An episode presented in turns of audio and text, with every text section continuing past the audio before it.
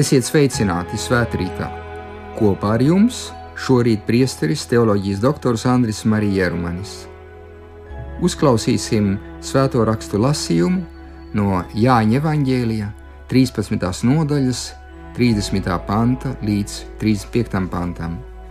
Kad viņš, Jūdas, bija izgājis, Jēzus saka: Tagad cilvēka dēls ir paaugstināts, un Dievs paaugstināts viņā. Bet ja Dievs paaugstināts viņā, tad arī Dievs viņu paaugstinās sevī, un viņu drīz vien paaugstinās. Bērniņi, es vēl mazu brīdi esmu pie jums. Jaunu bausli es jums dodu, ka jūs cits citu mīlat, kā es jūs esmu mīlējis, lai arī jūs tāpat cits citu mīlētu. No tam visi pazīs, ka jūs esat mani mācekļi, ja jums būs mīlestība savā starpā.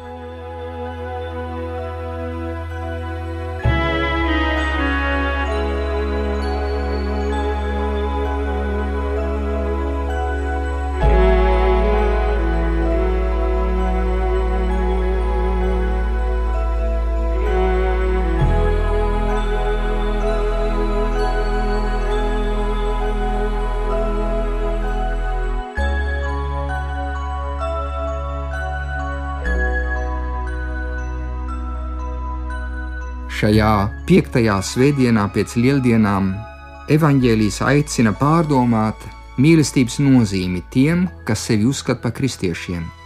Jēzus mums saka, ka savstarpējai mīlestībai, kas pastāv starp kristiešiem, vajadzētu būt atšķirības zīmei, kas ļauj viņus atzīt par viņa mācekļiem.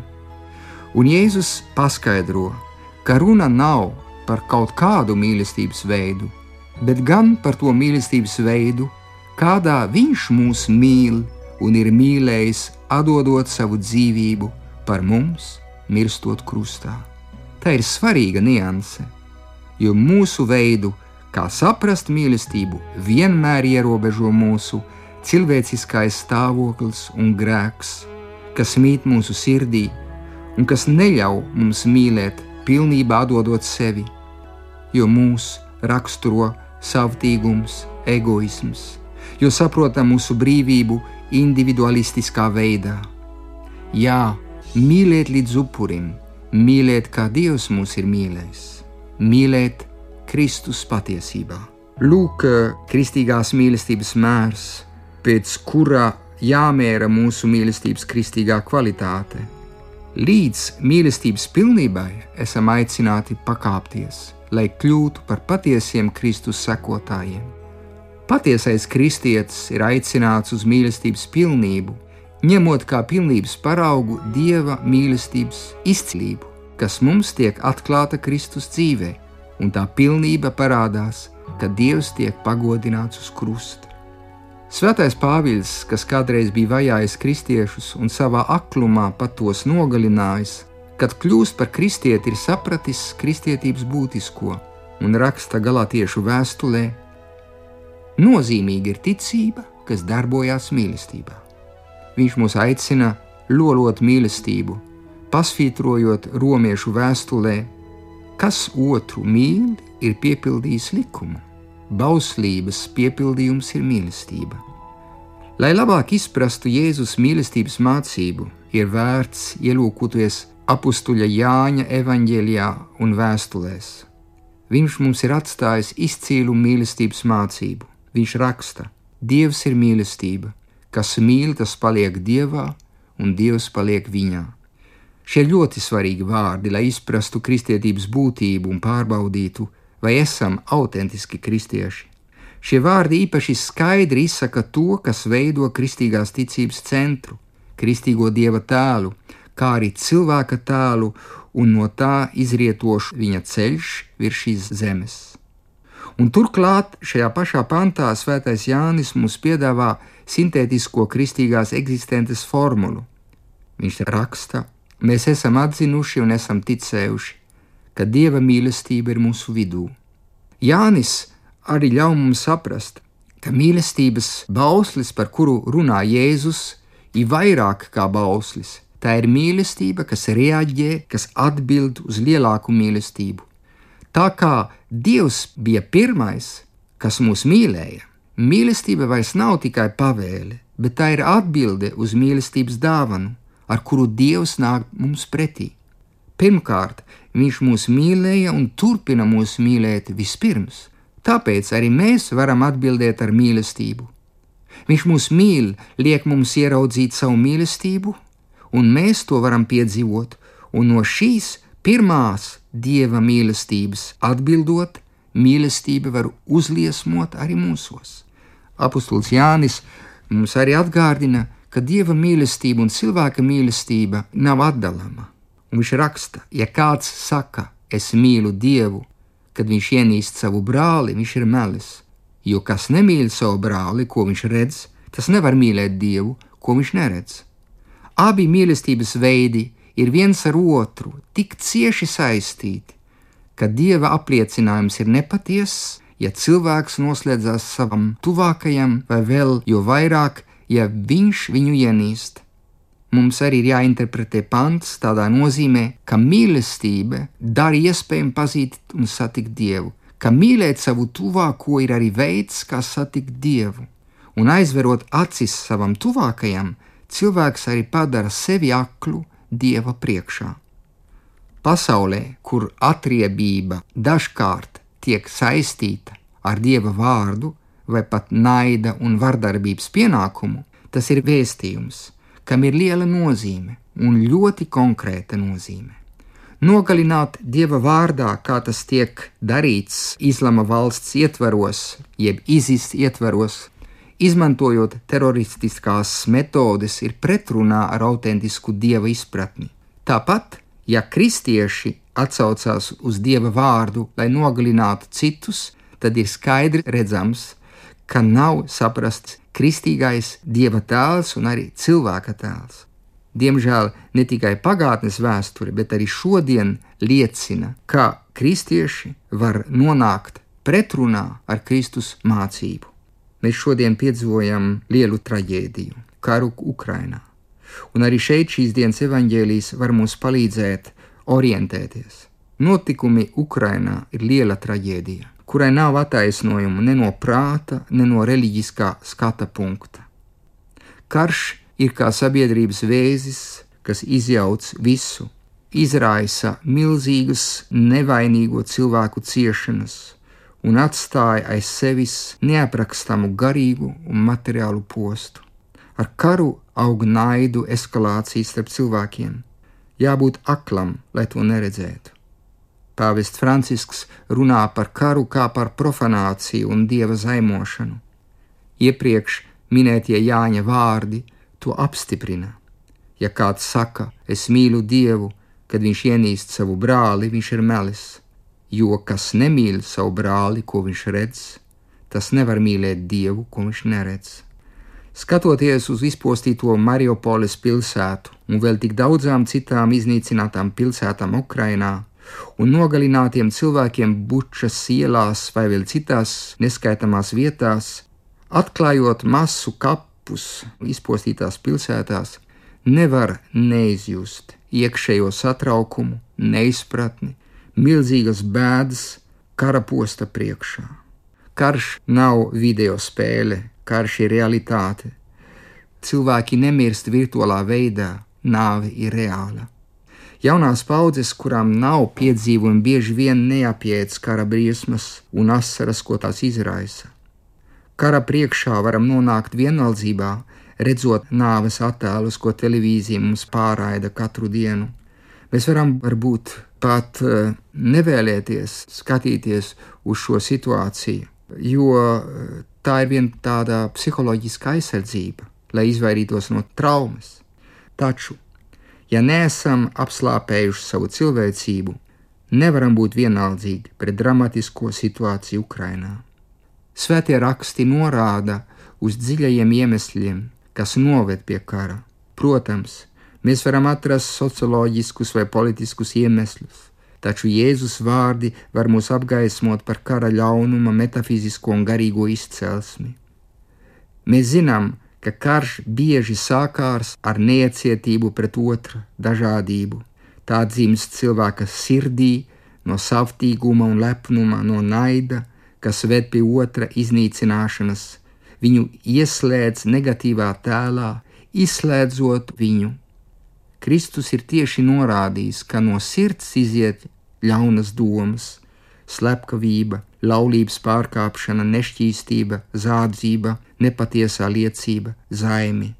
Kādreiz Jānis Pāvils II norādīja ar šādiem vārdiem, ka tas ir cilvēks, kurš nogalina, nevis viņa zobens vai šodien viņa raķetes. Ir jāsaprot, ka cilvēks ir ļaunuma cēlonis, kas izriet no paša sirds dziļumiem. Sirds Bībeles izpratnē ir cilvēka dziļums, viņa attiecības ar labo, ar citiem, ar dievu. Tas galvenokārt nenorāda uz viņa afektivitāti, uz viņa jūtām, bet gan uz viņa sirdsapziņu, pārliecību, domāšanas sistēmu, kurai viņš ir pieķēries, tāpat kā kaislībām, kas viņu saista. Ar sirdi cilvēks ir jūtīgs pret augstākām vērtībām, taisnīgumu, brālību, mieru. Taču šo apziņu bieži vien paverdzina sociāli politiskās un ideoloģiskās sistēmas. Ir vienmēr jājautā, cik tālu cilvēki ļaujās būt paverdzināti sistēmām, kas sniedz ekskluzīvu un gandrīz maniheisku globālu cilvēces redzējumu, un kas cīņu pret citiem, viņu likvidēšanu vai paverdzināšanu padara par progresa nosacījumu. Varam vēl jautāt, cik tālu šīs sistēmas ieslēdz cilvēka sirdi kara mentalitātē, kas nostiprina spriedzi, tā ka kļūst gandrīz nespējīgi uz dialogu. Papildus ideoloģiskajām sistēmām, kas ietekmē cilvēka sirdsapziņu, ir kaislības, kas satrauc cilvēka sirdi un sliecas uz karu, un tās ir daudzveidīgas. Cilvēkus skaislības dēļ var ievilkt rasu naidā pret citiem, vai arī greizsirdībā, iekārībā pret citu zemi vai resursiem, kā lai nepieminēt, ka cilvēks var būt pakļauts varaskārai, lepnumam, vēlmei paplašināt savu kundzību pār citām tautām, kuras viņš nicina. Kaislības dažreiz arī tiek apzināti kurinātas. Kara retorika ar ideoloģisko manipulāciju veicina cilvēka agresīvo pusi, un kad cīņa ir sākusies, naidīgums tikai palielinās, jo tā pārtiek no ciešanām un zvērībām, kas uzkrājās abās pusēs. Tas var pat izraisīt naida psihozes. Tāpēc vardarbība un kara izmantošana galu galā nāk no cilvēka grēka, viņa prāta akluma un sirdsdarbības traucējumiem kas izraisa netaisnīgus iemeslus, lai attīstītu vai nostiprinātu spriedzi vai konfliktu. Ja pašreizējās sistēmas, ko rada cilvēka sirds, izrādās nespējīgas nodrošināt mieru, tieši cilvēka sirds ir jāatjauno, lai atjaunotu sistēmas un institūcijas un valstis. Kristīgajā ticībā ir vārds, kas apzīmē šīs fundamentālās sirds pārmaiņas. Tā ir pievēršanās vai atgriešanās, Vispārīgi runājot, runa ir par pievēršanos patiesībai, taisnīgumam, godīgumam. Tā ietver savstarpēju uzticēšanos un brālīgo mīlestību. Cilvēkiem un tautām ir jāiegūst patiesā gara brīvība, lai apzinātos pagātnes sterilās attieksmes, kas ietekmē mūsu domāšanu, kas sākās no apšaubāmiem pieņēmumiem, kas reducē cilvēku un vēsturi, aizmirstot cilvēka garīgo pusi, kas paļaujas tikai uz ieroču vai ekonomikas spēku, kas ieslēdz cilvēkus jau gatavās kategorijās pretstatā viens otram, kas iestājās par vienvirziena risinājumiem, kas ignorē sarežģītas tautu dzīves realitātes un novērš brīvi rīkoties ar viņiem. Tāpēc ir jāapšauba šīs sistēmas, kas acīm redzami noved strupceļā iesaldē dialogu un sapratni, attīsta neusticību, palielina draudus un briesmas, neatrisinot patiesās problēmas, nepiedāvājot patiesu drošību, nepadarot patiesi laimīgas, mierīgas un brīvas tautas. Šī prāta un sirds transformācija notiek tikai tad, ja mēs kļūstam drosmīgi. Tā prasa lielu drosmi, pazemības un skaidrības drosmi.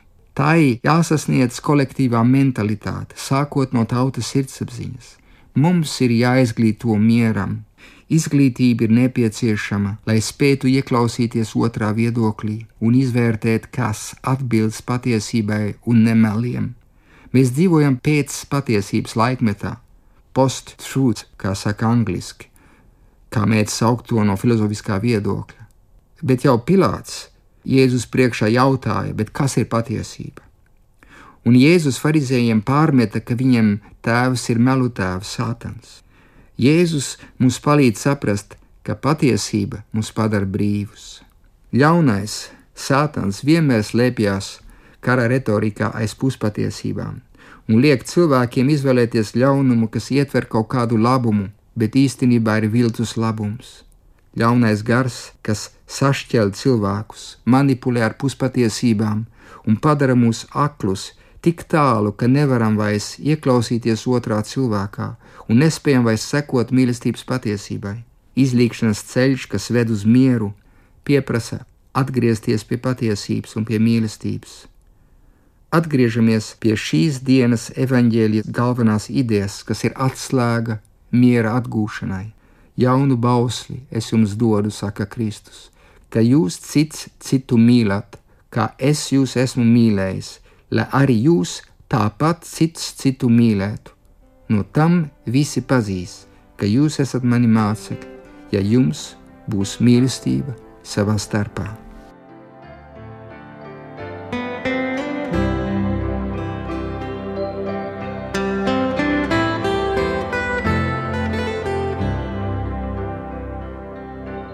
Ak, kungs, dari man par savu miera ieroci, lai es mācītu mīlestību tur, kur ienīst, lai piedotu tur, kur apvaino, lai vienoju tur, kur naids, lai modinu cerību tur, kur valda izmisums, lai iededzu gaismu tur, kur valda tumsa, lai nesu prieku tur, kur mājo rūpes.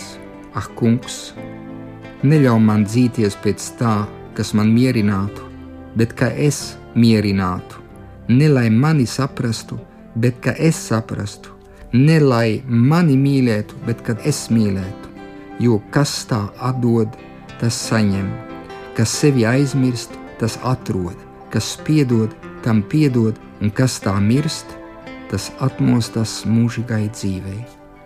Ar šiem Asīzes Franciska vārdiem noslēdzam šīs svētdienas pārdomas.